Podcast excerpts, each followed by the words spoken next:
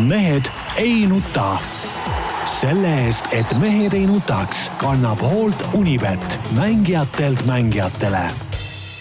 tere kõigile, kes meid kuulavad ja vaatavad ükstapuha millisest vidinast. täna on teisipäev, kell on üheksa ja seitse minutit. Peebu tõttu me peame jällegi saate linti tegema, paraku ronib mööda koosolekuid siin ringi, aga Tarmo Paju Delfist. tervist! Peep Pahv erikorrespondendina Delfis, Eesti Päevalehes, korvpallitreenerina Keilas, külaelanikuna Vasalemmas ja nii edasi. jaa, tervist! ja Jaan Martinson Delfist, Eesti Päevalehest ja igalt poolt mujalt. et sa ikkagi ei ole suutnud sinna korvpalliliidule selgeks teha, et on häbiväärne korraldada koosolekuid teisipäeval ja sel ajal, kui on mehe, Mehed ei nutta saade eetris. ja ei, ma ka ei saa aru tegelikult, et see on nagu see uskumatu, et on niisuguseid organisatsioone, kes teisipäeviti kell üksteist panevad mingeid koosolekuid endale. nüüd sa sujuvalt äh, ajasid selle kõik organisatsiooni kraesse, et, et kas sul ei ole siis mõjuvõimu, sinu, sinusuguse möira, ma vihjeks ütlen äh, täna hommikul, enne kui me siin saadet hakkasime salvestama, käisin, äh, käisin kuidas see õige väljend on, mängumeeste korvpallisaade eh, Siim Raudla isikus käis eh, Peepust tegema portreelugu, kuulasin eh, ka, kuidas Jaan kiitis Peepu siin reljeefne ja põhimõttekindel ja kõik, kõik. ja siiamaani tegemata see, see, see meistriliiga nõukogu aja, aja nihutamine muule ajale. ma ootan ja eeldan, et inimesed saavad ise asjast aru, noh mis, see ei ole üldse sinu moodi, ma kuulasin Jaani juttu sinust kui, sinust kui juhist, kui ajakirjanikust, see ei ole üldse sinu moodi, et sa ootad, et inimesed aru saavad midagi no,. Inimesed... Jaan kirjeldas hoopis teistsuguseid lugusid. vaja on nagu proovida erinevaid võtteid nagu noh. et sa oled juhina arenenud, ütleme niimoodi. ei, mitte seda mitte selles suunas et ma tabasin mõtet ennast, et äh, huvitav, milline peaks olema koduse korvpalliliiga tabeliseis et äh, Peebu sõna seal ütleme maksvusele pääseks? ei no mis, äh, ma arvan, et äh, praegune seis on päris okei okay selle jaoks juba. no siis, siis ma eeldan, et see on homme, ütleme tänane on siis viimane kord, kui, kui meistriliiga nõukogu segab meie otsesaadet. minu andmetel, Tarmo. ja nüüd, vaata nüüd tuleb klassika. meil järgmine kord sinu pärast on samamoodi asi. nüüd tuleb klassika. ma, ma ootasin seda hetke, mis mitmendal sekundil sa nagu vasturünnakule viimases ja, hädas ikkagi liigud. ma vaatasin, kaugele sa lähed oma jauramisega, noh, et ei jää muud üle lihtsalt. Noh. sa peaksid ikkagi lööma, ma arvan, argumendid lauale, et äh, ma julgeks arvata ja see on tunnetuslik praegu, et äh, Kalev Cramo järel Peebu persoonile kindlasti ka paljuski tänu võib vabalt olla Keila selline nagu number kaks meedia tähelepanu mõttes siin sellel sügisel vähemalt koduses korvpalliliigas. et selle valuutaga võiks juba minna nõudma küll sinna, et, et neid aegu sinu järgi paika pandaks. no vaatame, vaatame seda asja. noh, mis veel põnevat? Tali tuli maha ja valgeks läks maa ja ma saan aru, et, et autoga ja, ma... liikuvad mehed on, on natukene närvis. no pool teed ma mõtlesin äh, sellele, et äh, et kuidas ohjeldada ennast, et ma ei muutuks Peebu-suguseks, aga ma ikkagi kindlasti olin tänasel autosõidul natukene pool Peepu vähemalt seal autoroolis, kirudes äh, A juhte, kes mingites kohtades põhjendamatult ikkagi nagu ütleme, seisid, ütleme siis niimoodi aga teisest küljest äh, tunnustades ka ikkagi Tallinna nii-öelda teede puhastajaid, kes tundub, on kunagisest Kalle Klandorfi legendaarsest lausest äh, saanud innustust ja otsustanud juba talve algusest kohe pihta hakates sellest lähtuda, et ega lumi ükskord sulab ju ära ikkagi. et äh, ütleme sellise nagu Tallinna kõige tähtsama tee kohta, mida Tartu maantee või ühe tähtsama tee kohta, mida Tartu maantee sissesõit kindlasti on, oli kohati ikkagi päris korralik liuväli ka. no aga mis siis on siis, sõita ei oska või? Me no kohale jõudsin. no muidugi, noh, peab siis olema, mul seal Vasalemmas roositeed küll ei, ma ei nõua, et oleks kell, ma ei tea, seitse-kaheksa hommikul puhtaks lükatud, kuigi meil käib seal, meil lükkamine on päris, päris okei, see aasta veel mu enda tänavas seal mingi mees on traktorile saha ette pannud ja, ja nühib sellega seal. Minu ei... hakati lükkama juba siis, kui esimene kirmetis maha tuli, midagi lükata veel polnudki juba. noh, järelikult, järelikult on Roosi teel asjad paremad isegi kui Tartu maanteel aga noh, minu pärast see lükkamine, no see ei olegi nii tähtis. no talverehvid said alla juba või? Äh, jaa, panin siis, äh, oligi esimene detsember, see oligi nii, et, et loomulikult äh, auto esinduses, kus mul rehvid olid, et sain aja alles seitsmendaks detsembriks. ja siis ma vihastasin, võtsin need sealt välja ja, ja lasin Keilasesse ära vahetada lihtsalt kohe, hopp. tubli.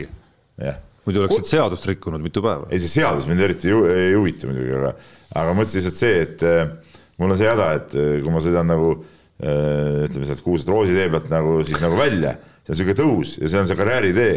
Ja kui sa sõidad sinna niimoodi ja mingi auto tuleb, jääd seisma, siis suureks tegema paigalt ei saa, siis ma ükskord pidin alla päris kaugele välja tagurdama ja uuesti hooga tulema. Seal on alati see oht, et et, et no, ei saa pidama. siis ei saa pidama jälle jah, ja täpselt nii on aga noh, parem pool ikkagi selle asja juures on see, et nüüd vist ma kahtlustan äh, sellise lumetuleku peale ikkagi see nädalavahetus saab suusad alla. ka Põhja, ka Põhja-Eestis, ka Põhja-Eestis. no olid rajad juba varem sees. olid, aga üsna kehvakesed, ma lugesin no, ikkagi, hoidsin silma peal. teine koht, kus oli Harku metsas vist olid, sai, sai juba sõita. jah, kuigi seal on ka päris raju laulupidu vist, kui see ja. väikene jupikene valmis on, et, et see nädalavahetus. aga miks nädalavahetus, miks mitte täna kohe? uh,. Miks ka mitte ja täna-homme. hoiame silma peal terviserajad.ee. ei no ma lihtsalt äh,, äh, on selge, kui Tarmo sõitma ei lähe, siis ei ole spordimees, noh. väga lihtne, kui täna ei lähe. ootame tõestust. Selfid. jah. Vlogid Se. Selfie. Tiktokid, story'd. Selfie kepike on kaasas ikka, kui lähed. ja ikka mm. -hmm. Endliga. jah. nii, no nii nii, kuule, aga lähme, lähme spordi juurde ja alustuseks räägime korvpallist, et mul paberit ei ole, ma pean siit äh, mobiilist vaatama, kui mul on pähe jäänud, et esimene teema on korvpall ja, ja Kalev Cramo äh, kena edasipääs eurosarjas ja, ja tegelikult ma just eile vestlesime ka mingis muus kontekstis sellest üldse ja, ja siis äh, noh, tegelikult ju ka selles sarja ja alagrupi eel räägiti, et noh, et okei okay,, Kalev Cramol läheb raskeks, mehed on, on nagu on, eks, ja isegi enne kaht viimast mängu ma mäletan seda, eks, et Tarmo, just sina ütlesid, et noh, et noh, et võidaks ühe ka ära, aga sellest ei pruugi piisata edasipääsuks, nii edasi, midagi. Kalev pani mõlemad satsid kotti külma rahuga ja, ja läks võitjana alagrupist edasi ja ja, ja, ja, ja tegelikult eile just äh, tuligi meil toimetuses, äh, oli ka ju arutelu. et äh, mul üks kolleeg ütles, et noh, see on tugevuselt neljas sari ja mis kõik nii.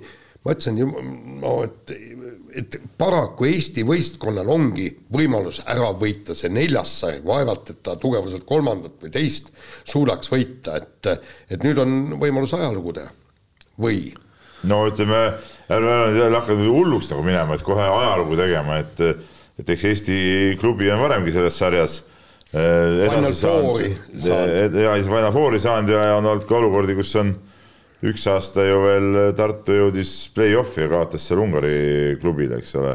veerandfinaalis. veerandfinaalis jah, et, et, et noh, ega nüüd nii, niisugust ajalugu siin ka veel tehtud ei ole, aga, aga Kalevi mäng on olnud muidugi sümpaatne, sümpaatne on see, et, et on edasi saadud ja, ja eurohooaeg ütleme, kestab ka talvel edasi veel, et ei ole sihuke sihuke noh, käisime, proovisime ja, ja, ja läks nagu alati, et, et selles suhtes on, on, on vinge. Ja mis on see, et ega see, mis me hooaja alguses ka rääkisime, et Kalev võib-olla ei tundu nagu nii, nii tugev kui võib-olla eelmistel aastatel, ega see noh, see ei olnud nagu õhust võetud jutt, et eks ta nii oligi, et võib-olla siukseid, siukseid äh, säravaid kujusid nagu väga palju meeskonnas ei olegi, aga, aga selle võrra just see meeskond tervikuna nagu meeskonnana on, on, on, on nagu võib-olla tugevam kui eelmistel aastatel, et selles suhtes Heiko Rannul on seal, seal asjad väga hästi äh, paika ja käima saanud. ja oota, ma, ma ütlen just siia, sa tõid Heiko Rannula välja, jällegi eile oli see arutelu ja just Jukka Toiala, eks Eesti korvpallikoondise peatreeneri kohta ja vaata see eelmine saade, kui me äh, siin rääkisime, kas treener peab võitma või, või, või siis umbes Eesti korvpalli arenemine on kõik nii. Ja minu meelest on see Heiko Rannula väga hea näide, et ta on suutnud nüüd ka äh, nii-öelda kaks viimast suurt võistlust on ta suutnud ära võita, viies meeskonna veidikene kõrgemale, kui, kui tegelikult see meeskond peaks olema, ehk siis Eesti meistriks. no kes eeldas, et Pärnu tuleb Eesti meistriks eelmine aasta? vaevalt, et keegi. ja, ja pluss nüüd ka, et, kõik rääkisid, et keeruline on siit edasi saada, aga ei midagi. et Rannula pigistas sellest meeskonnast ilmselt veidikene rohkem välja, kui sealt pigistada oli. noh, see noh, ütleme treeneri oskusi ja treenerile hindeid andes nii-öelda ongi üks põhilisi või mitte ainult treenerile, et see on ju tavalistes organisatsioonides juhi töö täpselt samamoodi, et, et võtta oma hoolealustest välja rohkem, kui, kui võib-olla tundub, et nendes isegi võib-olla, kui nad ise teavadki, et need näiteks olemas on, on ju, et, et see, et sul on need nii-öelda liidetavad seal kuskil tiimis või meeskonnas koos ja siis sa suudad sellest igast liidetavast esiteks midagi maksimumi lähedast välja võtta ja siis veel tekitada mingi sünergia, mis lõpuks on veel suurem summa, kui, kui need liidetavad üksi võib-olla nagu kokku tehtena nagu annaksid, et, et ja, ja me suudame sellest hooajast ja sellest hooaja algusest Kalev Cramost vaadates äh, kasvõi personaalselt minnes mängijate kallale, tuua neid näiteid omajagu välja mängijatest, kes äh, noh, kas just üle ootuste, aga kes on mänginud äh, nagu vähemalt ikkagi nagu väga hästi. olgu, olgu ta Artur Karantsuk või olgu see Martin Torbeki viimane mäng, mis, mis oli selline tõeline, noh, pool mängu, aga noh, piisav õige pool oli ka. õige, ei, suurepärane. et, et nagu olgu see vigastusest tagasi tulnud Hugo Toom näiteks. noh, ma ei oska nüüd neid ameeriklaste tagamehi nii hästi nagu hinnata, et, et Wesley Van Becki varasema käekäigu kohta mul noh, ei olnud nagu, mul ei ole nagu nii head nagu peale selle, et ma tean tema CV-d. et, et seda, et temas mingit potentsiaali on, aga et ta on suutnud selle nüüd antud eurosarja tasemel ka ikkagi realiseerida selleks, et ta suudab seda meeskonda ja on suutnud mitmes mängus tassida. see ikkagi läheb täpselt samamoodi ikkagi ka nagu treeneri oskuse juurde, esiteks üldse valida selline mees endale meeskonda ja, ja eks see kõik jõuabki sinna komplekteerimise juurde tagasi, on ju. et äh, sa siin meenutasid intervjuus ka, et kuidas, kuidas Peep, kuidas Peebuga kunagi üldse kokku said ja kuidas need värbamised, äh, üritasime siin saate eel meenutada, kes, kuidas, kuna kedagi nagu värbas, on ju. et seal on ju see alus natukene kõikidel nendel edulugudel ja, ja suurem osa igasugu põrumistest treeneritel sealhulgas algavad ju ka sellest, et on tehtud kuskil selles suvises faasis nende valikute juures ikkagi pandud puusse kuskil mingite hinnangutega ja mingite oskustega, pluss mingid ebaõnned võib-olla ka sinna juurde. et noh, kui sa nüüd Heiko Rannula seda mm, ja, ja Kalev Cramo värbamist tagantjärele hakkad vaatama siis üks väga oluline punkt on see, mis antud olukorras, kus nende parim või ütleme, üks olulisemaid tagaliini mehi, kui mitte kõige olulisem, oli väljas vigastusega. üks oluline moment, mis neid päästis, on see, et see tagaliin oli komplekteeritud ikkagi nagu piisavalt äh, sügav ka seal. ehk siis Torbek, Kovliar, Van Beck, et see, see seltskond suutis ikkagi nagu sellest kahest väga tähtsast ja samas raskest äh, vastasest läbi navigeerida selle eurosarja otsustavas faasis. ja samas ma ütlen, et kui peale vaatad, siis ei tundu nagu sihuke eriline tagaliin üldse olevatki, et, et, et see oli nagu sihuke positiivne üllatus, et nad sealt niimoodi läbi tulid. aga, aga, aga nüüd äh, hinnake, mulle vähemalt eile äh, vennad üritasid öelda, et nüüd see järgmine nii-öelda vahegrupp, et see olevat nõrgem kui praegune alagrupp, mille me võitsime. No, seda, seda on küll raske seda, öelda. Türgi võistkonna taset on meil nagu raske hinnata näiteks noh, kellega nad kohe esimese mängu peavad, ütleme, see on niisugune võistkond, kellest mina nagu tõesti eriti midagi, midagi ei tea, noh, see Hollandi sats on sama, kellega Pärnu mängis ja Pärnu nüüd võitis võib-olla pole, pole midagi erilist. noh ja..., samas, samas ta ei ole kindlasti seda masti meeskond, ma julgeks väita vähemalt, vaatame Hollandi liiga tabelit kasvõi, et see Gröningen, kellega Kalev ühes grupis oli ja kes seal kõik mängud kaotas, on Hollandi liigas nelja võidu kuue kaotuse peal ja see Den Bosch, tahaks teda kuidagi nagu alahinnata natukene, on äh, ilma kaotuseta mänginud Hollandi meistrisarja sel hooajal ja ma julgeks väita, et see ei ole kõige lihtsam asi. ma ei ole kindel, et Kalev Cramo oleks äh, Hollandi meistrivõistlusi mänginud tänavu ilma ühegi kaotuseta. ta ei ole ka Eesti-Läti liigat mänginud ilma kaotuseta. küll jah, oota, kes kolmas sats üldse oli äh,? sakslaste Kralls. ah, sakslased jah, noh no ei ole ka, ma arvan, mitte kõige lihtsam vastane ikkagi kokkuvõttes, noh. et aga ei, äh, selles suhtes ja, et ütleme, kui praegult oli see see Prindis ja, ja, ja Stroitel olid, eks ole, või mis ta, Budivelnik, vabandust Kiievi Stroitel. Ei no oli ju see on täpselt sama teate tõlkes tegelikult, aga ma olen aru saanud, aga, aga no ikka vanad asjad tulevad vahest meelde. Et, et ma arvan, et see on umbes sama, umbes sama level tegelikult noh, et, et, et see alagrupp oli kõva Kalevil, see on nagu selge, et alagrupp no, kindlasti on see uus grupp ühtlasem, ma julgeks arvata, et siin ei, et siin ei tule satsi, kes kaotab kõik mängud jah, pigem küll võib-olla jah. vähemalt, vähemalt nagu sellise nagu eelhinnanguna julgeks küll paika panna. näiteks samas see Türki sõitmine, see pidi olema veel kuskil seal nagu see ei ole siin mitte eesotsas Türgis, vaid kuskil seal kaugemal. Süüria piiri ääres jah. et sinna juba see sõit on juba keeruline, sinna võitma minna on, on ilmselt päris raske.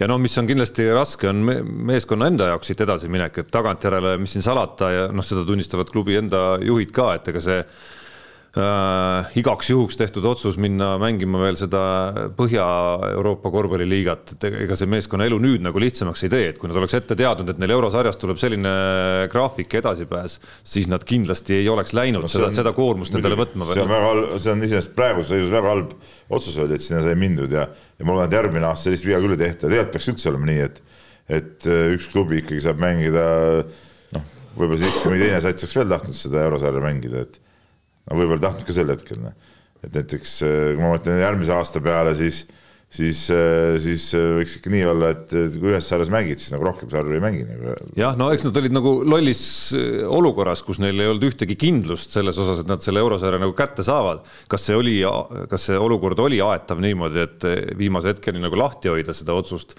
Võimalik, et isegi oli, et ma olen Kalevi mänedžeriga natukene arutanud seda ja ta noh, natukene kirub ennast ka selles olukorras, et oleks võib-olla saanud ikkagi kavalamalt seal natukene lahendada seda, seda asja, aga, aga see on nüüd praegu tagantjärgi tarkus, igatahes selge, et meeskonnale see nagu lihtsamaks olukorda ei tee, et et äh, niigi on seal nüüd vigastusi tekkinud, niigi ei ole see meeskond nagu koosseisu pikkuse mõttes kõige sügavam.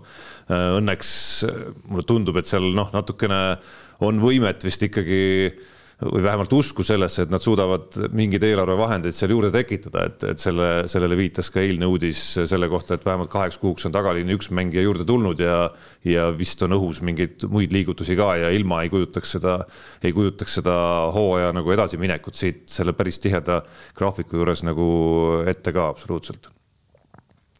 vot nii aga noh, samas tasub olla kaine, ma ei, ei väsi nagu rõhutamast, et, et lõpuks minnakse taaskord ja järjekindlalt vastu satsidele, kes vähemalt paberil ja eelarve mõttes on meist selgelt üle, nii et noh, et, et ei maksa siin veel nagu eurosarja kinnipanemisest veel, veel nagu ma arvan, rääkida.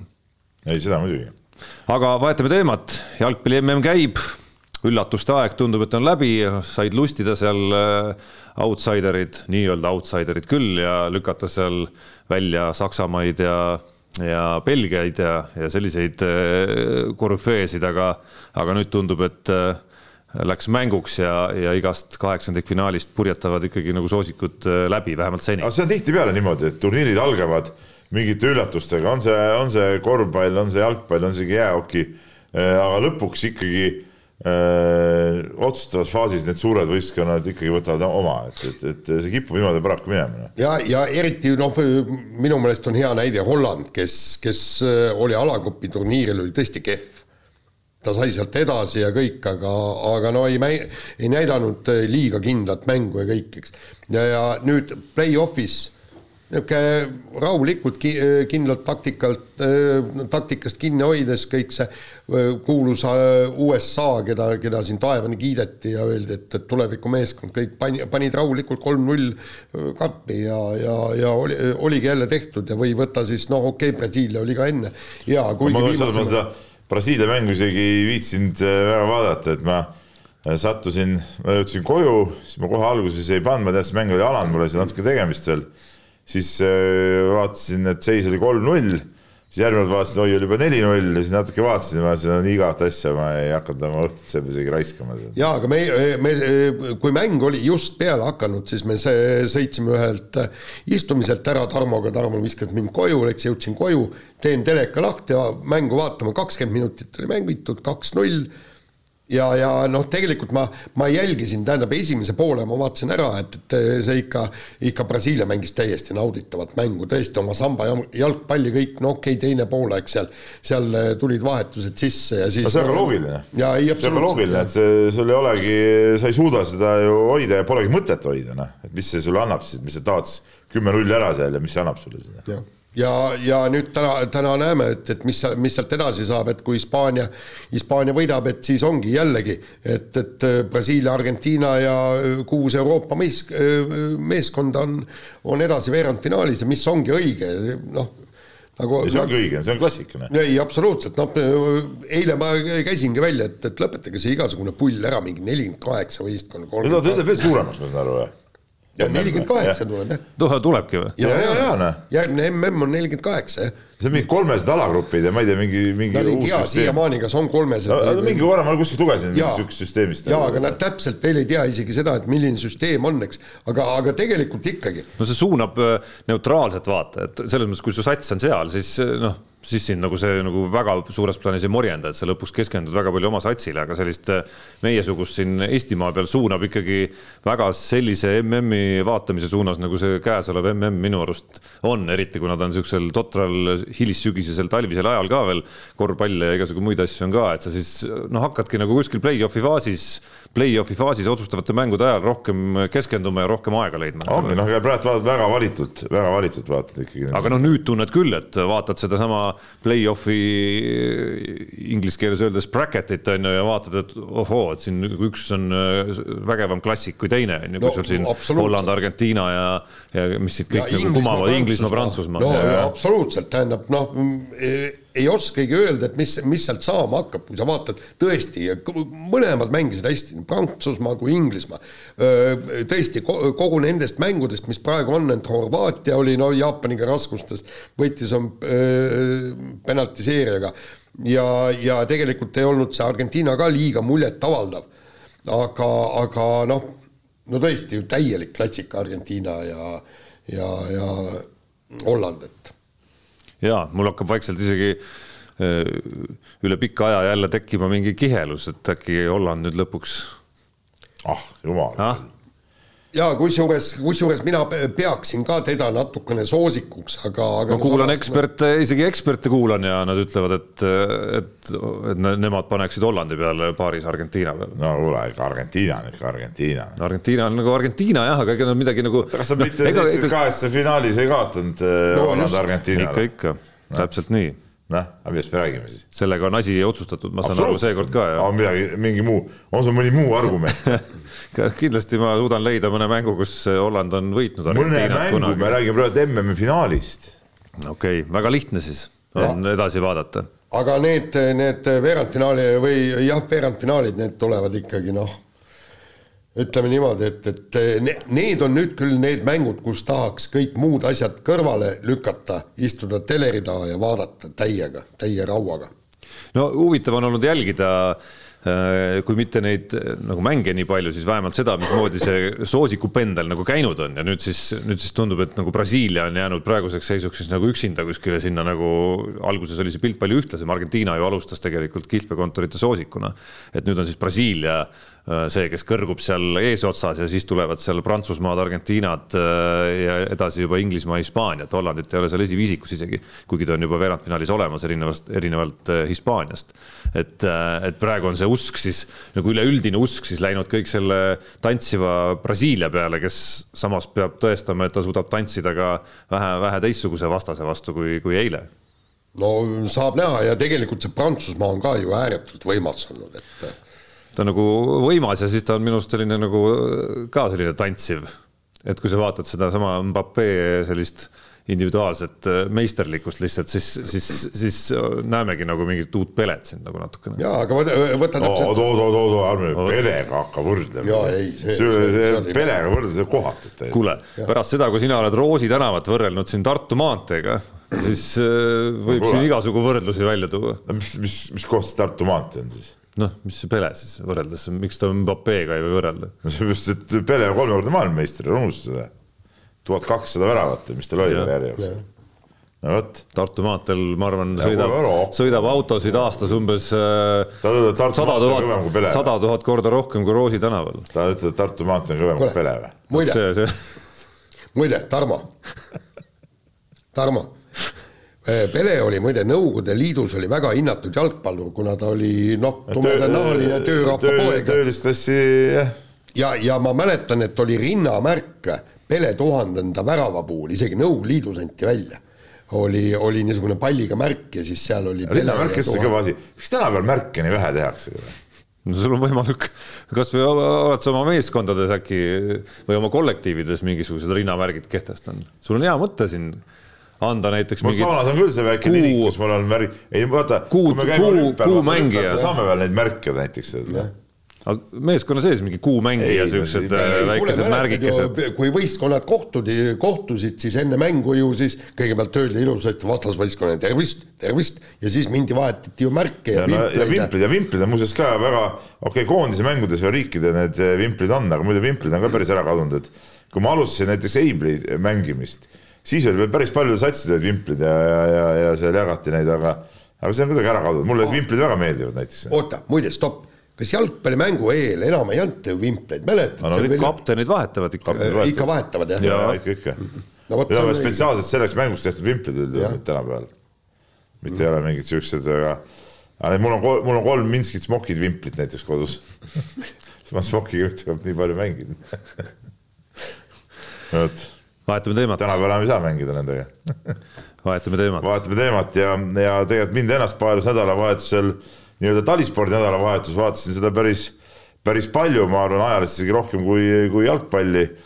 ja, ja laskesuusatamine oli murdmaa, kahevõistlus, kõik asjad ja noh, olgem ausad, no ei, ei läinud eestlastel nagu väga hästi, et, et see laskesuusatamises, no Susan Külm sai küll karjääri esimesed MK-sarja punktid kätte, aga ütleme, koondis tervikuna ikkagi no ma pigem ma ütleks, et ikkagi ebaõnnestus noh, murdmaas noh, oli see Alev oli seal väljas, no aga ei tulnud nii hästi ja, ja Kristjan Ilves, mis, mis Ilvesel, mis need hüpetega nüüd on, see ei saa no,, ei, no, ta, ei saa pihta kuidagi. ei saa pihta, no ta räägib, noh, ta kogu aeg toob uusi versioone, viimane oli, ma ei mäleta, kus äkki ERR-is või kus ta kirjutas, et noh, et, et kui tuleb nagu mingisugune või oli meil see, et kui tuleb väike ebakindlus sisse, siis eh, teed kehvad hüpped. aga nii ongi, vaata, kui ja. sa vaatad üldse ka suusahüppeid mm. ja kahevõistleid, et see käib kuidagi lainetena, et kui sa nagu saad asjad klappima, siis sa oled tükk aega järjest tipus ja hüppadki hästi ja kui sa ei saa klappima, siis sa võid terve hooaja hüpata keskpäraselt ja nii ongi, sa ei saagi seda klappima. Noh. ja, ja, ja, ja muidugi kõige totram asi üldse, mis sel nädalavahetusel talispordis oli, oli siis Norras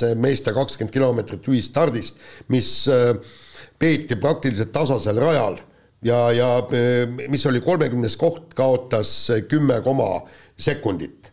äh, meie mees oli tükk aega seal grupis, aga lõpus oli üle minuti kaotas tal. jaa, aga no, no ilmselt ongi, temal oleks vaja ju võib-olla suuremaid tõuse, ta ei suuda. aga no mis selle meeste sõidu tegi totraks, oli see, et jälle see norralaste ülemvõim, näe mis seal olid?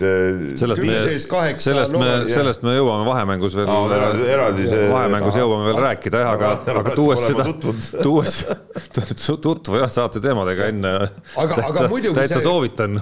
ja aga muide, see, see laskesuusk oli küll, et tegelikult hooaja eel oli ju, ju meil ja meie, meie sportlastel oli ju noh plaanideks. Tsahkna, no mis plaanid seal nüüd nii väga olid? Tsahkna rääkis ju uutmoodi treenimine, vaata, mis ta ootab. kuule, no sa ei ole ju mingi titane.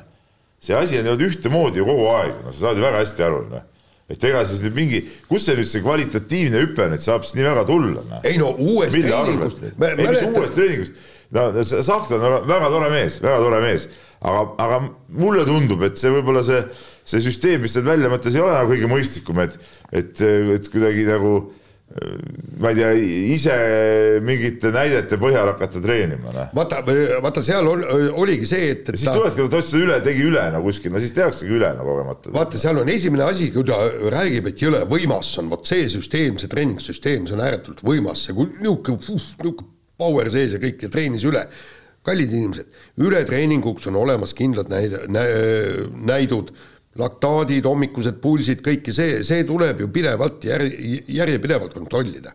et see kõige hullem asi ongi ületreening ju, sellest tullakse välja ju, no kui on kõige äh, rängem juht, siis sellest tullakse välja kuni poolteist aastat ja kui üldse välja tullakse. no kas mitte Rene Tsahkna endal ei ole karjääris see nii-öelda raskem äh, juhtum isegi aastate eest ju olnud? no ja tal on olnud siukest ületreeningu moment minu arust ka jah. ja, ja, ja, ja seda on ju väga paljud tippsportlased, just kestvusalade sportlased öelnud, et kõige hullem on see, kui see sportlane ei suuda oma organismi tunnetada, et kus kohas on nüüd see piir, kust ma enam üle minna ei tohi.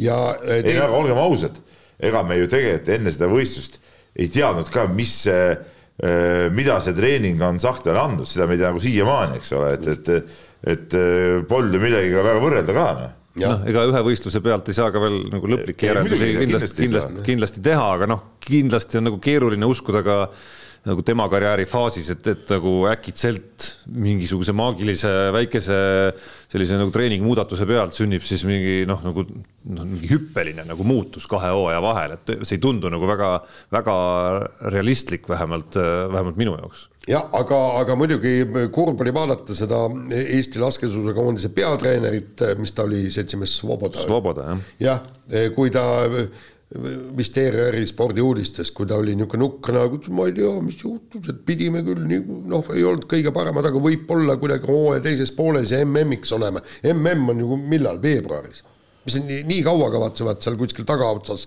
sõeluda? no ei, ta sõnum nüüd päris see ei olnud, et ta, ta loetles seal ette ikkagi natukene nagu laiapõhjalisemaid eesmärke ka, mis puudutas rahvuste karika punktide kogumist läbi hooaja, et ei olnud nagu ainult MM-is seal jutt. Äh, küll aga minu arust huvitavam intervjuu või vähemalt sama huvitav oli Indrek Tobrelutsu intervjuu, äh, kes nagu läbi aegade ja ütleme äh, kunagi spordiajakirjanikuna on temaga suheldud päris palju ja juba sportlasena oli ta pigem selline nagu väga madala joone hoidja, et laskesuusatajad olid tuntud selle poolest, et kutsusid küll hooajaeelse pressikonverentsi kokku, aga, aga ühtegi mingisugust nagu vähegi lubaduse või eesmärgilaadset äh, väljaütlemist sealt mitte kunagi ei tulnud, aga, aga ta oli ikkagi noh, minu, minu jaoks vähemalt ootamatult enesekindel kommenteerides neid esimese nädalavahetuse tulemusi, rääkides eelkõige siis Tuuli Toomingast ja, ja Susann Külmast, et, et väga rohkelt enesekindlust õhkus sealt selle kohta, kuidas järgmistel etappidel kindlasti nad mõlemad sõidavad kiiremini ja, ja ühel juhul siis laseb paremini. et no saab näha saab näha, aga igal juhul põne-, põnevust on, et siin äh, nüüd äh, suusahüpped äh, jätkuvad. no tead, tead, laskesuusast rääkida, tead, peaks Johanna Talihärm hakkama kiiremini sõitma, sest no, ta ju vahetult enne võistlust põdes koroonat, eks ole, et, et, et see jättis kindlasti oma, oma jälje, et, et no selge see, et asjad võivad paremaks minna, noh, võivad paremaks minna, aga aga eks see karussell tuleb peale, et ega sa mingit treenida enam väga ei jõua, et noh. ja ei no seda küll. nagu sihuke timmimine lihtsalt. aga tali, talisport on kõvasti, no ütleme, sel nädalavahetusel on ju äh, Martin Liiv sõidab Kalgaris MK-d ja no sealt loodame äh, kõvasid Eesti rekordite parandusi kiire, kiire jää peal ja, ja noh, suusahüppajad jätkavad, laskesuusk jätkub, kahevõistlus, et põnev. ei põnev, see tali, talisport nädalavahetusel on niimoodi, et ma pühapäeval oligi, äh, hakkasin telekat vaatama ja mul oli seal tegemist ka ja noh, meil oli trenn ka pärast õhtupoole, et et äh, korra siukest tunnet, et õue ei jõuagi täna, et üks lõpeb, teine algab kohe ja, ja, ja vaatad ja vaatad ja ei saagi nagu telekast minema, noh. et see on nagu ohtlik nii, võtame järgmise teema ja räägime Tänakust, kuigi temast mida, midagi rääkida ei ole. see oli nagu veider teema siia sisse pandud, et mis. no ei, saamegi siit, kiirelt edasi liikuda. ja siit saab kiirelt edasi liikuda, aga minu jaoks on ikkagi natuke kummaline, et järgmine nädal äh, peaks ju olema nimekirjad äh, Monte Carlo ralliks välja, väljas, kusjuures nad ei pea ju panema persoone, nad võivad teeb, et äh, to be decide on ju mm, -hmm. et või, või võivad lihtsalt sinna panna, et, et, et et, et ei ole kuskilt mitte mingisugust uudiskildugi, enam mitte ükski kuskil väljaanne, mitte keegi ei spekuleeri isegi mitte midagi no aga Jaan, ma olen sulle kogu aeg rääkinud, see spekuleerimine on täiesti mõttetu tegevus, noh. No, sa saad aru sellest? jah, aga ilmselt. sinu, sinu väiksesse pähe mahub see ükskord. äkki see, äkki see suurim, oota minu arust kõikidel spekuleerijatel, kaasa arvatud siin laua taga, on nagu tunne, et noh, esiteks loomulikult, äh, loomulikult keegi ei tea, mis tegelikult toimub, aga kuskil on see tunne kuklas, et, et kindlasti tegelikult on asjad ammu selged, aga siis meie eest nagu varjatakse seda. aga alati on ka variant, et asjad nagu ei olegi selged et kas see Adrien no. Formeau lause, et nagu tema saatus sõltub Ott Tänakust, kas see ei viita natuke sellele, et, et asjad ei, ei olegi otsustatud? Need laused ei viita mitte millegile. ei no jaa, aga tegelikult noh, see võib ka olla niimoodi, et, et tõesti nad ei ole keskel kokku saanud, eks, et M-sport pakub ühte, Ott Tänak tahab teist ja, ja neil on kuskil ikkagi veel lõtk sees. kuskil on mingid rahastajad, kes on mängus ja, veel. ja Tänakul ja Tänak ei ole selles seisus, kus ta peaks tingimata sõitma, eks ole, ja ongi see, ta seisab, seisabki selle oma nii-öelda enda juures nagu noh. jah, ja, ja, ja siin vaatab, vaatab, kas nüüd loodame, et sel nädalal saavad, saab see lõtk vahelt välja võetud ja, ja äkki tuleb uudis aga selle saatuse lõpetuseks teeme nüüd suure häbiringi Jaanile ja Peebule. Andrus Veerpalu on meenutanud Lembitu Kuuse mälestuste raamatus tsitaat algab. Kui sulle üritatakse üksnes ära panna ilma sinupoolseid vastuväiteid arvestamata, ei tahagi enam ajakirjanikega suhelda. milleks? Mina, no kuidas, kuidas nüüd, kuidas nüüd seda. Jaan ja Peep ikkagi niimoodi läks, et, et Andrus Veerpalu on tahtnud kogu aeg ikkagi nagu oma vastuväited ja versioonid ära rääkida, aga te lihtsalt ei ole tahtnud neid arvestada. mina ütlen nii, ütleme, mis see oli kaks tuhat üksteist, kui see dopingu jama pihta hakkas, eks ole, see on siis nüüd üksteist aastat tagasi onju. et selle üheteistkümne aasta jooksul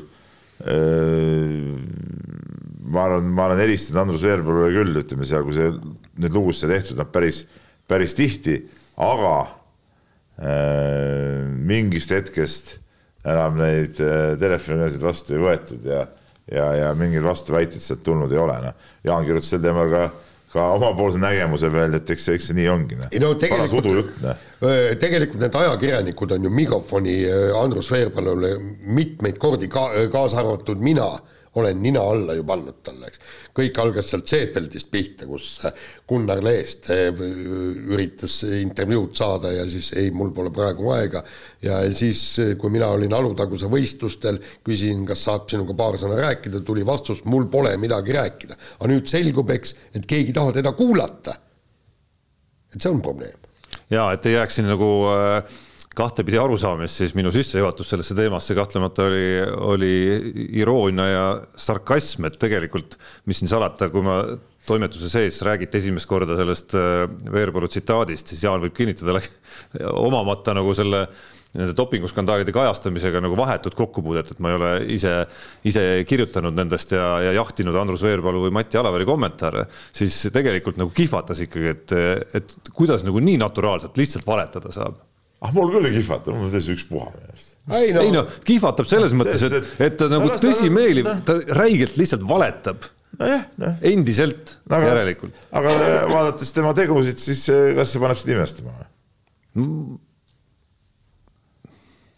noh, minu arust mitte. Noh. no, no, no paneb nagu näha siis jah mm. yeah., ma ei tea, mis asi see on siis, et, et, et nagu kuidagi tundub täiesti absurdne lihtsalt noh, et nagu kõikidest asjadest veel nagu, nagu sellise versiooniga välja tulla, et talle nagu see, selles mõttes liiga on tehtud. ei, aga ma noh, vaata, kui ma kirjutasin seda lugu ja siis ma meenutasin ja kammisin neid äh, vanu artikleid, seal oli ju seda nii-öelda äh, nalja oli küll ja veel. mäletad, kui see pressikonverents lõppes, mida me kõik üle kandsime mm, -hmm. Karel Tammjärv ja ja siis oli, et äh, Mati Alaver ootab teie ja. kõnet, palus edasi öelda, et ootab teie kõnet, on ju. ja loomulikult oli see kõik, kas see võetud ei, no, vastu või? pärast ikkagi Anu Sääritsega rääkis ju ja ei, pärast rääkis ja, ja siiamaani no selgub, selgub, et need toimikud kõik valetavad, et see on ilmselt prokuratuur kirjutas ja. kõik need äh, Mati Alaveri päevikud ja toimikud kirjutas ise kokku, et tema tõesti vahendas ainult ühe ja mitte dopinguarsti, vaid füsioloogiliselt äh, tipptasemel arsti telefoninumbrit, aga see selleks, see no oli kuskil, päris ko koomiline. no kuskil on kindlasti mingid, mingisugused muud versioonid siis ka selle kohta, et mismoodi see käis siis see dopingu tarvitamisele kaasaaitamine või kuidas see Andrus Veerpalu kaasuse täpne, täpne süüdistus seal oli siis? no tema, tema toa, oma toa andmine, et noh ei no kui poja tuli minu tuppa, no mis ma siis ikka teen siis. ja, jah, tahtis verd pumbata. ütles, et siin, no siukest punast asja, morssi siin natuke teeme. No. ikka usud ikka oma last? muidugi, mis siis ikka on. nii, aga laseme nüüd kõlli. Läheme kiire vahemängu juurde ja New York Times uuris välja, kuskohast pärinevad Katari mm, koondise tuhat viissada ultrafänni Äh, jalgpalli MM-i ajal ja selgus, et need äh, palgati Liibanoni klubi äh, Niemeh juurest ma juba ootasin et, et, lause algul, kuidas see, kuidas see hääldus tuleb seal. ega ma ei ütle, et ma paremini oleks hakkama saanud. aga, aga no ütleme niimoodi, et see kogu MM on ikka ääretult koomiline. oota, oota, ma ei saa aru, aga milles küsimus on? Ei, mis me ei või siis fänne palgata? võid küll, ega, ega keegi ei öelnudki, et ei või ma ei tea, ütleme Katari võimaluste juures, miks neid fänne nii vähe palgati, ma ei tea. jah ja, sealt annaks ju kümneid tuhandeid. minu arust sealt oleks võinud staadioni täis palgata neid, et, et ma mäletan, kui ma käisin näiteks äh, Taekuus kergejõustik MM-il, siis seal äh, no ka ütleme seal Korea rahvast väga kergejõustik huvitanud muidugi, eriti hommikupoolsed võistlused, siis ju toodi eh, koolide kaupa sinna neid lapsi, nad istusid seal, neil sain jätta ette, millal plaksutada, siis nad plaksutasid ja, ja mingi hetk läksid jälle minema, et, et see, see teeb sama välja, kas sa palkad need ultrafännid või sa tood bussidega need lapsed sinna nii-öelda kohustuslikus korras vaatama, ega see on ju täpselt, täpselt sama olukord. aga miks ka mitte, noh. kas siis tühjade tribüünide ees on nagu parem mängida või võistelda, ei ole ju. kuule, Peep, ütle, kui, kui sulle oleks ettepanek tehtud, et kuule, tule fänna öö, Katari koondist, maksame sulle kõik kinni, maksame papp, pappi ka. no mis võtta, mõnus no, puhkusereis ju. jah, ainult see, ainult lepingusse paneks sisse, et ikka kolm toopi õlut päevas tuleb no, kuskilt eraldada. jaa, aga noh, miks ka mitte, jaa, mõnus. Oleksid oma looma, oma sisemise looma vahepeal välja saanud elada. muidugi see Katari koondise vändamine, see, et seal nagu seda looma väljaelamise võimalust nagu väga ei olnud muidugi no alati saab äh, hakata vastastega tüli norima, kraaklemise pool, seal sa kindlasti oleksid äh,, oleksid juurde andnud sellele ja. Liibanoni klubi Neimeh CS äh, ultratele. ja ei, seda küll jah, oleks kindlasti ilma särgita seal hüpanud ringi ja ei, lahe. jääme jalgpalli MM-i juurde ka järgmise päevakorrapunktiga. mängus, mis siis otsustas Saksamaa MM-ilt äh, väljalangemise äh,, oli ka olukord, mis, mis päris palju vastukaja teenis ja kus siis, kus siis pärast on üksmeelne hinnang olnud, et oi, see oli nüüd Varri suur triumf, et suutis need millimeetrid sealt ära lugeda, et pall ei, oli ikkagi Hispaania-Jaapani mängus sees. üksmeelset hinnangut siin ei ole, täielik, täielik jura, ma ütlen täielik eh, jama, pall oli selgelt väljas. kus ta väljas oli? kuule, siis ta oli maapinnal veerenud üle selle piiri. no sa reegleid ei tunne. kuule, see reegel on ka debiilne, see reegel tuleks ära muuta, tähendab, noh. see, kui mingisugune ütleme, palli kumeruse tõttu ta on seal see on jama, kui ta ei puuduta enam joont, peaks olema out ja ongi kõik. see on nagu loogiline tegelikult. saad aru no., ma tahaksin näha seda varri pilti, mille põhjal see pall loeti sisse. sa oled näinud seda? ei ole sama kaader sealt joone pealt. see, see ju näitab, see ju näitab ära selle, et see mõned millimeetrid see pall on joone peal, õhust, õhust lugedes. aga see on ju idiootsus. ei no kui jalgpallireegel ütleb, et see... nii tuleb lugeda, siis varr ja kohtunikud peavadki nii otsustama. Tarmo, kas, kas on olemas varri pilt ülevalt alla pildistatud? ma ei tea, kas see on varri pilt, aga ma tean, et see on see kaamera pilt, see foto on olemas, mis võtab seda sealt pealt jah, see, selle järgi on ka näha, seda näidati ülekandes ka ju ülekandest. ei, seda ei olnud, ei minu meelest ei näidatud. no ühesõnaga terve maailm on näinud seda pilti. jaa, aga mina ütlen, et see on nagu punkt üks, see reegel on nagu nõme ja punkt kaks, see reegel on ka nõme, et, et tõesti mingi varri mingite millimeetrite järgi eh, seda siukest asja otsustatakse, noh. tegelikult reaalselt, mulle see Saksamaa, kas sa pääsesid või mitte, nad olidki kehvad ja see ei ole üldse nagu teema minu jaoks aga lihtsalt see oma olemuselt, see on nagu, on nagu nõme, nõme reegel. no aga siis see on sama, mis, mis sa ütleksid, et on nõme, kui ma ei tea, Kossus vaatad äh, kordust ja siis loed ikkagi välja, et väike riivakas oli vastu korvirõngast, järelikult saame otsustada teistmoodi, kui kohtunik otsustas. kusjuures äh, mina lõpetaks need siuksed vaatamised kõik ära, igal juhul, kohustus ka. üldse? ei no üldse. kaotaks maailmaspordis videokorduse? Äh, tead, oleks parem muidugi, maailmaspordile tuleks kasuks vot ma selles nii kindel ei ole, aga muide, see, siin tekib järgmine küsimus, miks sealt Ronaldolt see peaga löödud värav ära võeti, sest vaata, seda fotot oled ju ka näinud, et, et, et kui ta eh, peaga, noh, tähendab, ühesõnaga peaga ei puutunud, aga juuksed puutusid ju palli. ei puutunud ju? ei seal on pilt, pilt on, pilt on tehtud ja on tehtud hästi suur, suure, suurendus ah,. seda pilti ma nägin. ma lugesin ka uudist, et Portugali jalgpalliliit ikkagi vist üritab, üritab selle ikkagi Ronaldole tagasi anda. ja ei, aga normaalne muidugi. aga noh, ja mida ma siis vaatasin, meie kuulus Delfi. Nad tegid siis nagu selle, sellesama asja.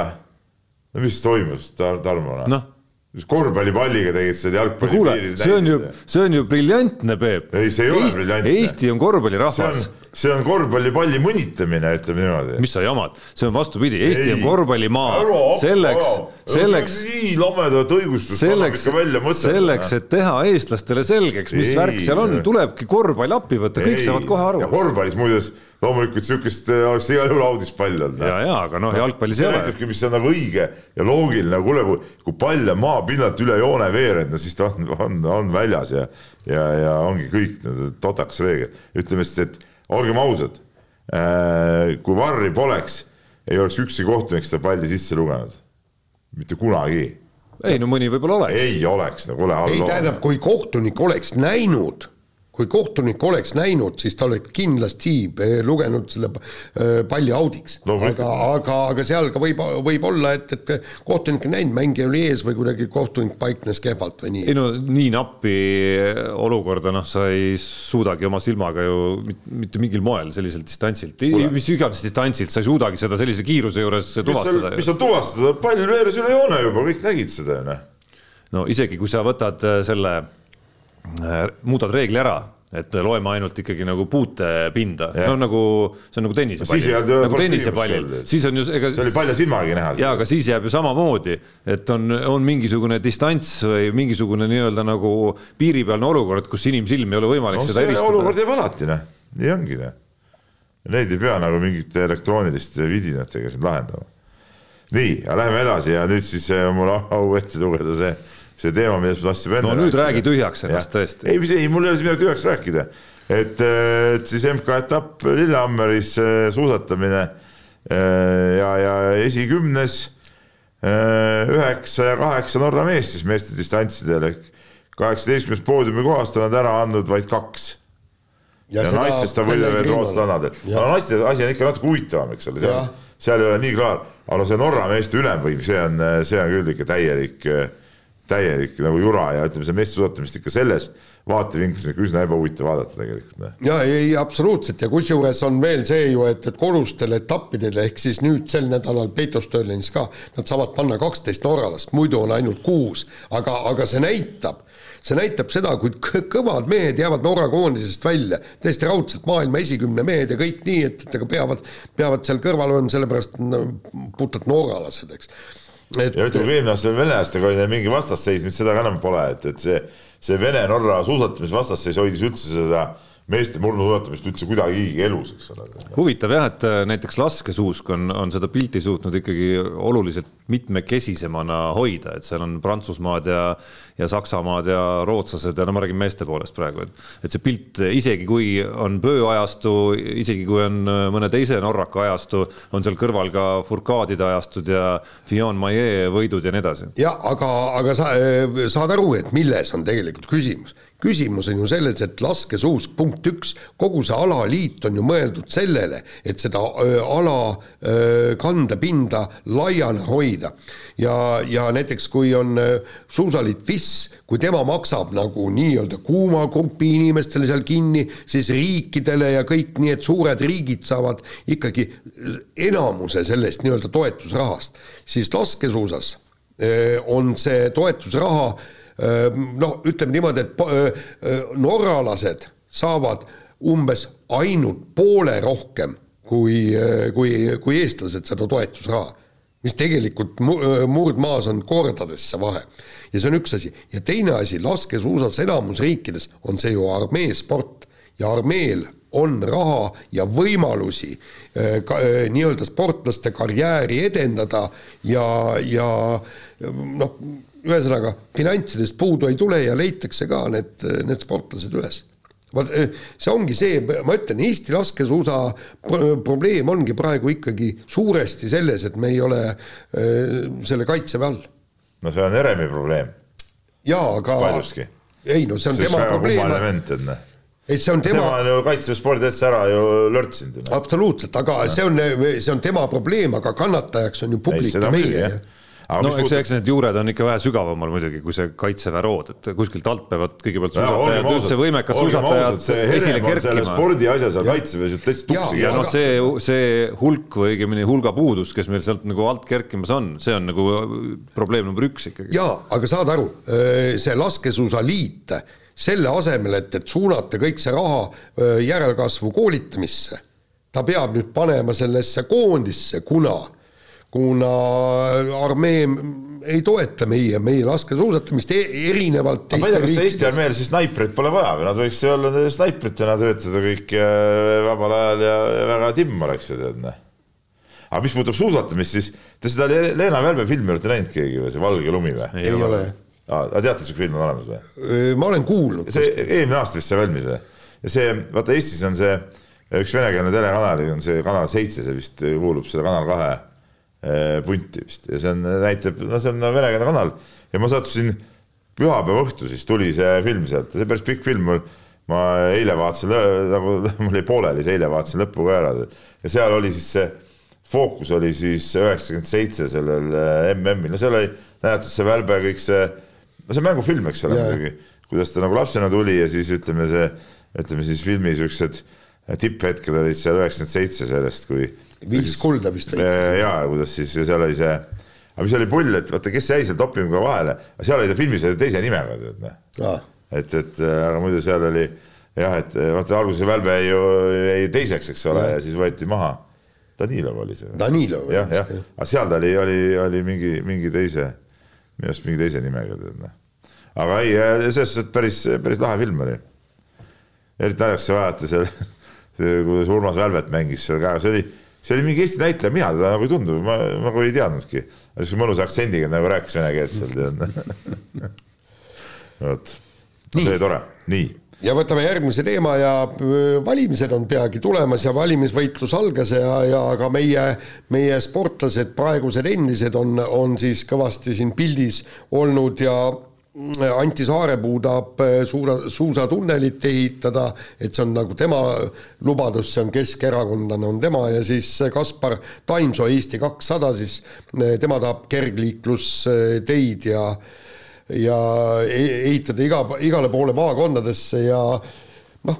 no olgem ausad, suusatunnel väga vajalik asi ja neid võiks olla rohkem kui üks Eestis, sest et kui üks on kuskil Lõuna-Eestis, teine võiks olla siin Põhja-Eesti pool ja, ja, ja sealt Äh, avardaks kõvasti treenimisvõimalusi ka meie noortele, ütleme, kes, kes ei saa lumel piisavalt käia, peavad, et äh, sõita, siis peavad sõitma Soome või Rootsi, eks ole, suusatunnelitesse, mis on suhteliselt kallis, kallis lõbu, et, et, et see oleks kindlasti väga-väga hea plaan. No.. vaata, Peep, kõik on õige, aga on üks küsimus, praegu on energiahinnad nii tohutult kõrged, soomlased panevad ju oma suusatunnelid kinni sellepärast, et no jaa, Soom... no ei, ei ma saan aru küll. no aga suusatunnelit sa nagunii ei pane ühe talve või ühe suvega või ilmselt püsti, et see on natukene pikem projekt nagunii on ju ja, ja, ja, ja loodetavasti leiab maailm kogu sellele energiakriisile ka lahenduse no, ikkagi pikas jooksus vähemalt. ei no tähendab, no kuule, kui see lolli mängimine ära lõpeb, see rohejurad ja need asjad, küll siis lahendused no, leitakse. No, küll need lahendused leitakse, ma arvan, koos ja nagu tänu täiesti, sellele rohejurale. mis on nagu täiesti, no see rohejura on ju täielik jura, no saad ise ka aru. no ei saa absoluutselt sõidad autoga siis, paiskad heit gaasi õhku, täna ummikust tulnud jala sealt oma Peetrust. ja, ja kusjuures ei ole ka kaugel tulla, meie ja, oleme tulnud. ja ei ole pikk maa tulla muidugi. jah, me no olime nooremad, sinu vanuses. Tarmo, see on libaroheline, noh, libaroheline. muide, me, me olime. tuled jalgrattaga, noh, mis on siis? Mina näiteks käisin äh,, olen käinud äh, seal, Soomes oli see Arctic Rally onju. Ja, ja äh, see on siis Rovaniemis onju. Ja Rovaniemis on ju lumi maas ja seal talvel inimesed sõidavad kogu aeg jalgratastega, naastrehvid all just jalgratastel, mingit küsimust pole. ja kõnniteed on täis neid naastu, naastujälgi tead noh. no tead rohelised aga mis sinu see ma ei ole, ma, ma ei ole ennast mingi rohelisena presenteerinudki kunagi. ma ei saa üldse aru, mis frontaalrünnak üldse või no, mis põhjus on, aga, aga, aga see, et äh, energiakriisi lahendus peitub selles, et äh, pigem nagu rohelahendustes pikas jooksus, selles ma olen valmis sinuga lõputult vaidlema. aga, aga mis ma nüüd nende kergliiklusradade kohta ütlen, siis need on tegelikult on ääretult la, ei, ma tahtsin ütelda, see on sa tahtsid mingit jama ütelda praegu, tegelikult on nii, et kergliiklusteed on head asjad, aga kampaania korras viis kilomeetrit igasse omavalitsusse. see on debiilne mõte minu arust. see on debiilne. kuule, mis, mis, mis, mis kuradi no... jura, noh, lihtsalt selleks, et et ehitame viis kilomeetrit siia mingisuguse jupi suvalisse kohta. ei no see, siin ei pea vist sõnasabast nüüd nii ka kinni hakkama, et mõnes omavalitsuses on puudu võib-olla kolm kilti, et ühendada ära kuskil mingi kahe valla piiril olevad näiteks jupid on ju, tean siukseid kohti küll no,. mõnes, mõnes vallas, aga mõnes omavalitsuses pole sisuliselt neid üldse veel ehitatud, on ju, kus, kus viiest kilomeetrist loomulikult on vähe selleks, et saada ja. mingisuguse aleviku ümber mingi korralik ring. ei no alevi ümber ei ole vaja, milleks sul kergliiklustee alevi ümber on vaja? ei no selleks, et seal trenni teha. ei, kergliiklustee mõte ei ole trenni trenni teha. kergliiklustee mõte on see, suunata jalgratturid ja jalakäijad ju autotee pealt ära ja näiteks, mis on praegu puudu eh, Lehole ja Vasamäe vaheline lõik, siis saaks sõita mööda kergliiklusteed eh, Keilast kuni, eh, Määramäe sinna taha teist pool padist välja, tead. aga sealt vahepealt see üks lõik. no seda ma räägin, siukseid lõike on ka, on ka Raasikus ja Raes täiesti. kampaania korras, et igasse, et see, see on nagu siuke mingi valimislubadusena nüüd on nagu suhteliselt nagu jura nagu välja, välja käia ja, ja kusjuures meil on Jõelähtmal on ju äh, selle äh, meie Ruuküla ja siis Neeme küla vahel üksteist kilomeetrit kergliiklustööd, noh, viimased jupid nüüd tehti ära, et jumalast timm kõik, eks, ja kusjuures äh, vald tahab ju teha kergliiklustee sealt Tallinnani välja. Ehk siis, et inimesed saaksidki jalgrattaga sõita Tallinnasse tööle ja, ja ja, ja mis on ülivinge värk, kui, kui sellega hakkama saadakse sellepärast, et seal ikkagi no sa põhimõtteliselt ei tohigi ju sõita mööda kiirteed, kus autod sõidavad sada kümme kilomeetrit tunnis, on ju, eks. et kui seal kõrval läheks see noh, kergliiklustee, jumalast lahe oleks. jalgratta ei tohi maantee peal sõita, kui sada kümme on? ei, seal ei tohi. ei tohi jah, aga ma seda ei teadnudki no,. traktoriga ei tohi see minu teada. ja ei tohi traktoriga ka, jah. aga kas selle kergliikuriga ka ei tohi või? see, mis neljakümnega sõidab? ma tahaks loota. see autolaadne ese ma tahaks loota, et nendega tohib mitte kuskil sõita. noh, kahjuks neid ikka tavalisel maanteel tohib nendega kindlasti sõita no. Need tõesti nagu. ei ta on päris ohtlikud. väga ohtlikud, kõige ohtlikum asi üldse liikluses ma ütlen. aga noh, mis kergliiklusteid puudutab, siis äh, tervitaks siinkohal äh, oma, oma sünnipaiga Raasiku valla juhte viimasel paarikümnel aastal, kes, kes äh, vähemalt sealkandis ei ole suutnud selles vallas küll midagi ära teha. kergliiklusteede vallas siis, aga nüüd liigume oma püsirubriigi. oota, mul tuli üks asi meelde praegu, et ma no. mulle helistas üks mees pärast eelmist saadet, ta helistas mitu korda veel ja, ja, ja ta on Keskerakonna mees. ta on Keskerakonna meediamees. ahah mul oli, mul on temaga ka pärast eelmist saadet suhtlust olnud, ütleme niimoodi. mõlemad saime aru, kellest käib jutt, onju. ja ta ütles muuseas, et mäletad, me rääkisime sellest katuserahadest, eks ole. aga ta ütles sulle ka, et eh, sinu valla mees, see oli vist siis see Võrklaev või? Võrklaev jah. Võrklaev jah, mitte Kaev vabandust, vabandust, ja, ja ei, ma lihtsalt läks enda sassi praegu.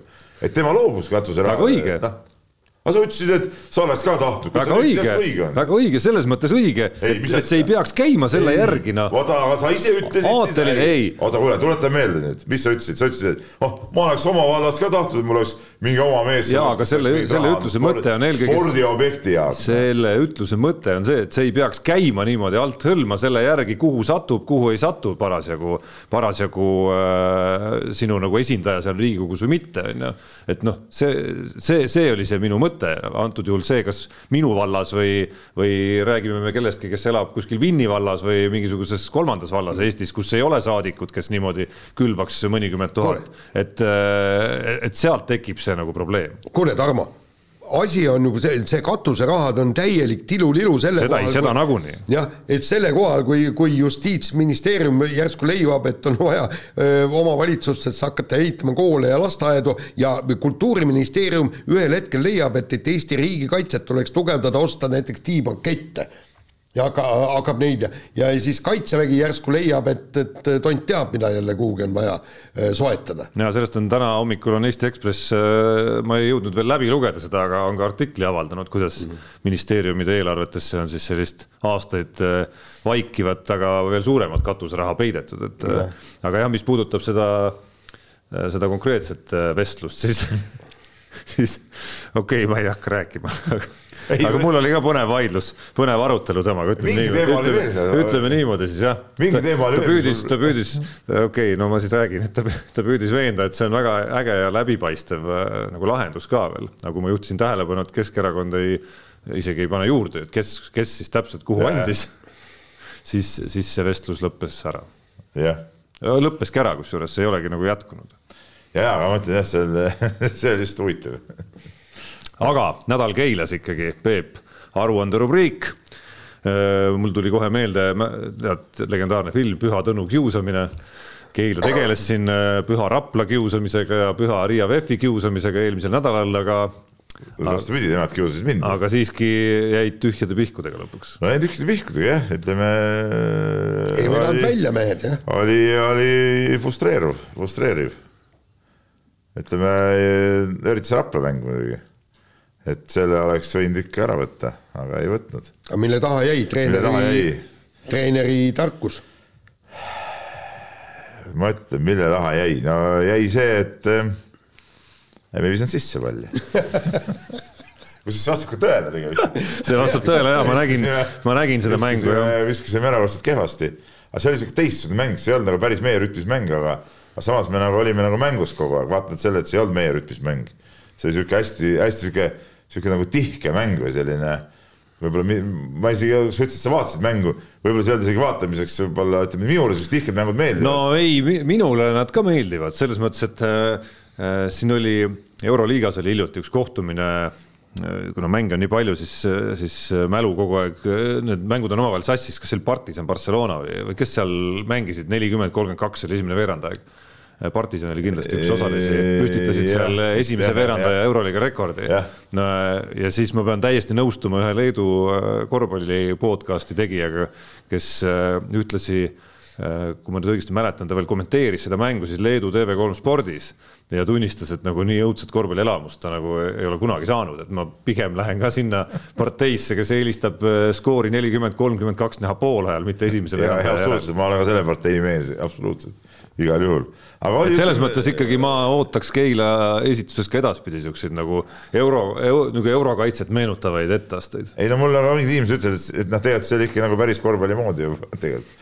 aga no läks nii, no ei saanud kätte ja lõpp Äh, lõpp oli sihuke natuke loterii juba tead, et äh, eks me seal üritasime päästa ja seal paar olukorda ei pannud ära, mis oleks võinud ära panna ja, ja VEF-iga oli ka nagu tore, no kolm veerand aega olime tasane, aga siis need hakkasid nad ikka tugevad, neljanda alguses nad tegid oma spordi ära ja, ja sinna sa läksid. ma kasutan võimalust küsida no., küsida ka, et äh, eriti VTV-st mäletad vanasti, oli kogu aeg selline nagu äh, tunne, Kalev mängis endast tugevamatega, onju, ja siis tagantjärele sai rääkida alati, et äh, noh, mängisid võrdselt küll, aga tagantjärele sai alati omavahel räägitud, et äh, et noh, et ega kordagi ei olnud tunnet, et see mäng nagu ära tuleb ikkagi. mäletad seda aega? ikka muidugi mäletan. et kas siis ja treeneri pingil olles Keila juhendaja, mängides Riia VEF-iga, no mis on ka nagu noh, kõikide objektiivsete parameetrite järgi nagu no, ikkagi kõrgema klassi meeskond, meistrite liigad ja puhad.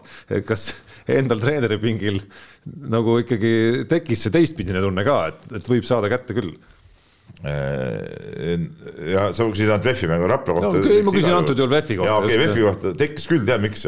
sellepärast, et äh, mängu eel ma nägin, et ega VEF-i vennad äh, nagu üldse ei viitsinud nagu tulla sinna ja kui oli see niimoodi väljajooks ja siis ma ei tea, Kulbis või kes jooksid välja, ma ütlesin abitreenerile Marko Arvale ka, et et noh, see mees mõtleb küll, et mis, mis, mis pagana sinnasamusesse auku ta on pidanud tulema, miks ta siin peab üldse olema, et kogu see nende olek oli selline, et noh, üldse nagu ei taha.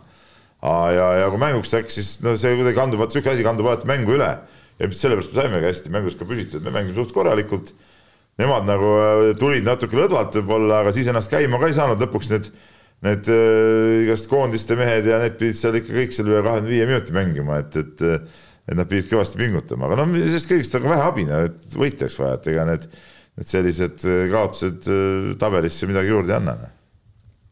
ei, aga võib-olla saaks äh, null koma kakskümmend viis punkti, et ilus kaotus on null koma kakskümmend viis. mingi, mingisugune nii-öelda kolleegium tuleb kokku, täna tuleb mm. meistriliiga nõukogu kokku ja seal siis nagu ühiselt hääletuse teel konsensuslikult otsustatakse, et milliste kaotuste puhul anname mingi väikse komakoha juurde. ei, ma ütlesin Siim Raudole ka, kes tegi pärast mängu seal intervjuud, kommenteerimas seal ja ja küsisid, no et nüüd on üks, muuseas üks kolmandik on juba mängitud juba, kolmandast mängust kümme mängitud, juba kiiresti läinud kõik.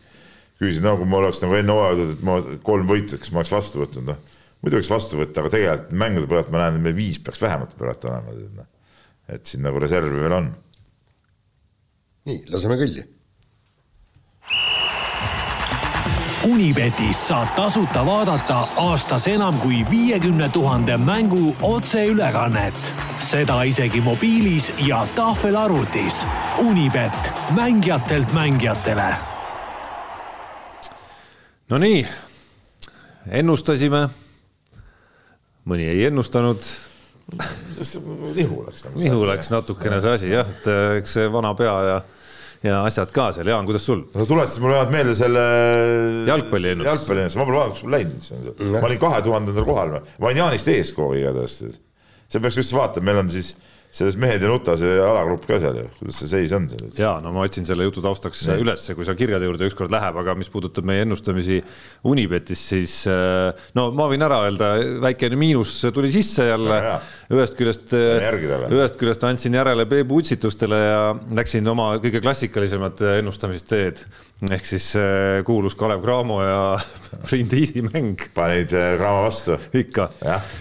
no õnneks see elamus muidugi noh, oli hoopis teisel levelil, et tuhkase, tuhkase kaotus, aga õnneks võtsin ma suurema osa sellest kaotusest ka tagasi, Euroliiga mäng oli äh,, issand, ma üritan nüüd meenutada, et Cervena Zvezda võitis Bologna Virtust. Et Cervena Zvezda peale, kes sai järjekordse koduvõidu vist neljas järjest juba mingil põhjusel seal, nad jäid mängu alguses taha ja siis sel hetkel, sel hetkel ma panustasin, kui koefitsient oli üle kahe läinud.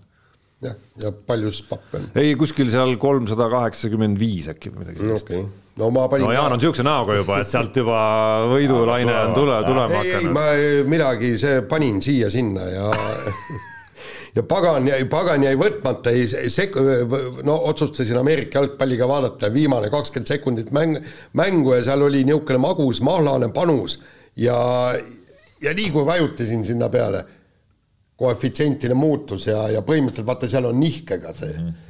see asi ja, ja siis noh, ei, ei saanud sealt pappi kätte. aga mul on kolmsada kaheksakümmend eurot jah. ossa, kus on nüüd siis mees on suurte panustega mängima hakanud. juurde tõmbad see nädal või?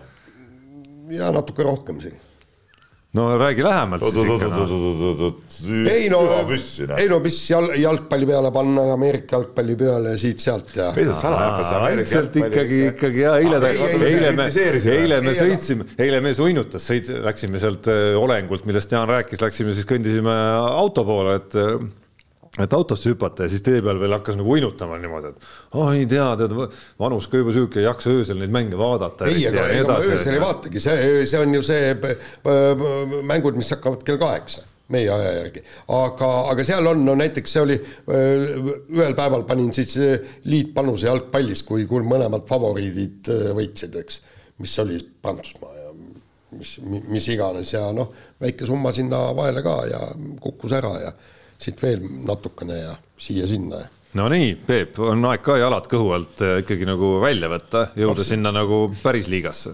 ma hakkasin mõtlema, äkki ma ikka panin midagi, et ma korraks kiiresti vaatan ja no ma vahel, vahepeal ütlen, et äh, vahepeal ütlen, et äh, Peep, nüüd on sinu hetk kommenteerida. mind ajab väga närvi, et ma olen paar korda jätnud äh, kohtades või paar korda, rohkem kui paar korda jätnud siin võistluses äh, panustamata nendele asjadele, kus nagu tunnetus on tegelikult õige olnud. ja see on kaks korda käinud ka Keila korvpallikooli kohta.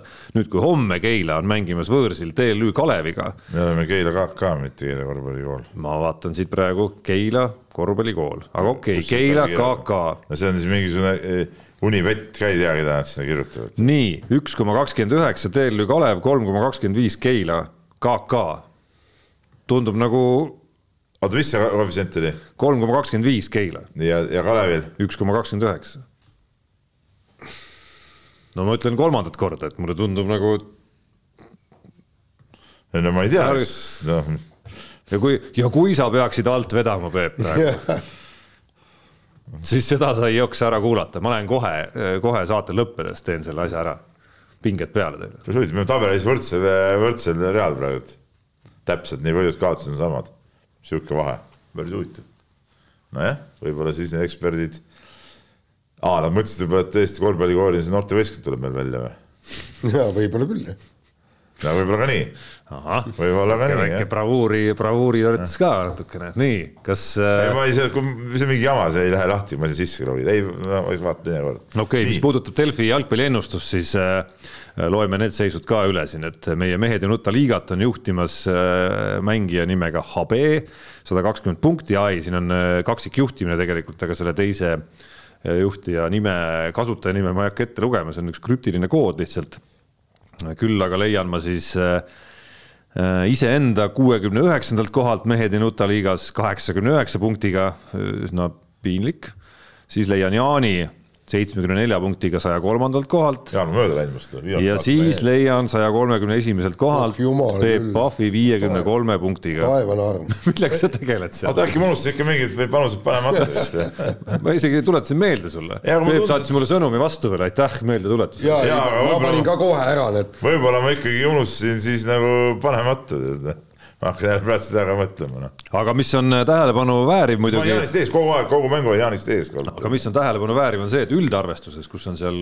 Ma olin 2000-s kogu aeg on circa kolm tuhat neid äh, osalejaid seal, on need meie Mehed ei nuta grupi kaks liidrit äh, jagamas viiendat kohta, nii et äh, loomulikult No, me hoiame hoiame oma meestele või naistele, täpselt ei loe välja siit, raudselt pöialt ja aga tänapäeval sa ei saagi, sa ei tohigi öelda, et, et noh, sugu, et see noh, inimene võib olla, ta on naise välimusega, ta arvab, et ta on mees. palju vist ise arvad? ei no aga sa solvad teda selle. kirjad nii, teadlane Priidik ja jutt läheb jälle laskesuusatamise peale ja Priidik kirjutab nii, et Eesti laskesuusasportlaste saavutused ajasid mind tagasi pöörduma ühe eelmise aasta küsimuse juurde, kas on mõtet üldse nende viiekümnendate kuni kaheksakümnendate koha, kohtade vahele sõitvate sportlastega jätkata?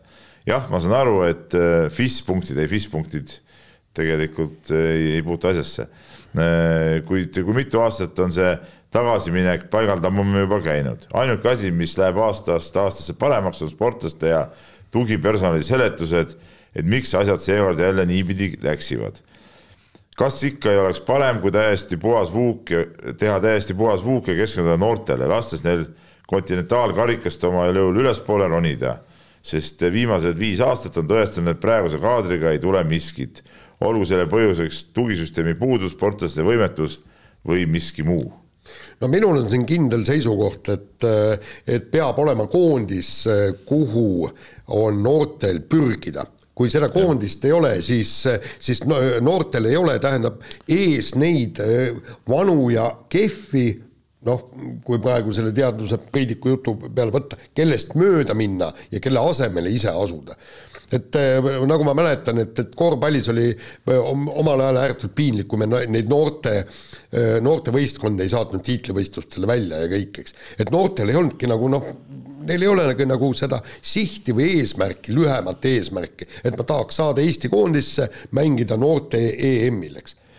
Ja, ja siin on ka näiteks, kui tuleb üks, üks hea laskesuusataja, sa ei hakka ju teda siis üksinda sinna MK-le saatma, kogu selle nii-öelda tehnilise personali. teoorias see on võimalik, et me Ei. isegi lõunanaabrite pealt näeme, kus, kus me oleme näinud pigem väga üksikuid laskesuusatajaid, Jaa. püksiseid ja pendikaid ja jaa see, leedukas on aga, aga aga palju, palju mugavam on see, et, et kui sul keegi ees, kes võtab vastu, sul on seal olemas tehniline, tehniline personal, hooldemehed, kõik, kõik, kõik muud, eks sa tuled sinna, sinna koondisse, ma, ma, ma arvan, et olgu nad nii kehvad, kui on, nad peavad seal olema ja noored lihtsalt peavad nad üle sõitma jah, noh, teisest küljest äh, vähemalt mina olen küll viimane inimene, kes, kes hakkaks äh, ütlema ja kes tunneks, et äh, nagu minnes nagu inimlikule tasandile, et umbes noh, seda me kuulame ju ka aastakümneid juba, et noh, et mis nad seal aastaid ikka seal siksivad seal viiekümnendad, kaheksakümnendad on ju, et noh, paljud meist siis oma äh, konkreetsel elualal on maailma kaheksakümnes, et ega,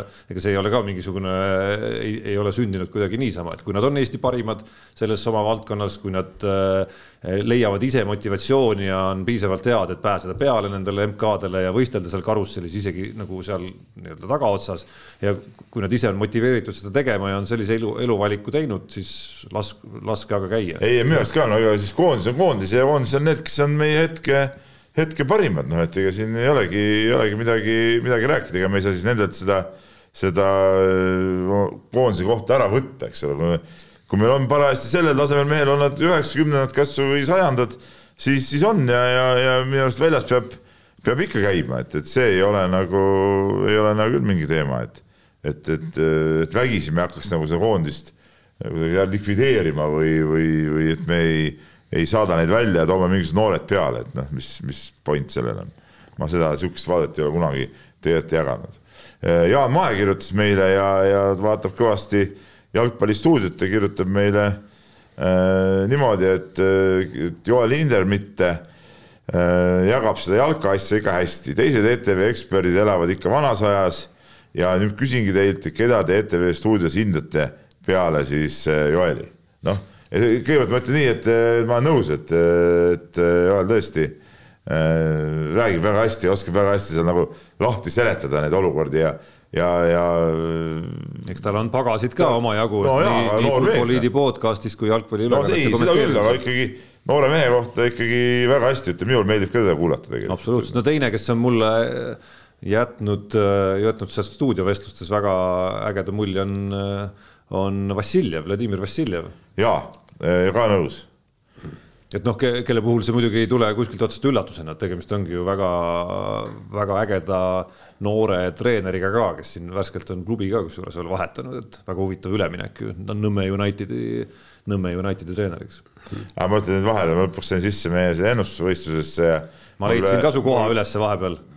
Mul eilsed, eilsed on jäänud ennustamata jah, eilsed mängud kaks tuhat kakssada nelikümmend üheksa näitab Peep sinu kohaks. ei, ütlen eilsed. sealt on, sealt on tõusuruumi. eilsed mängud jäid nagu tegemata, ma ei tea, mis ma siis tänased muidugi ka, noh, pagan jama tead noh.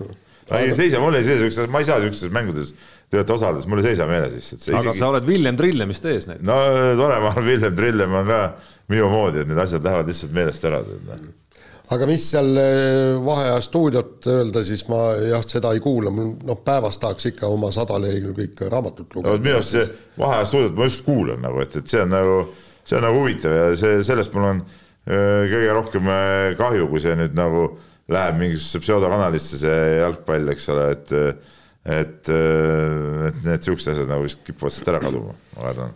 nojah, saab, saab väga huvitav olema jah, mismoodi need, need, need asjad lahendatakse vot nii, aga tõmbaks otsad kokku või? ja tõmbame otsad kokku ja ega siin muud pole midagi öelda, et ukerdage luma, lumes, minge suusatama ja kuulake meid järgmine kord. mehed ei nuta. saate tõi sinuni Unibet, mängijatelt mängijatele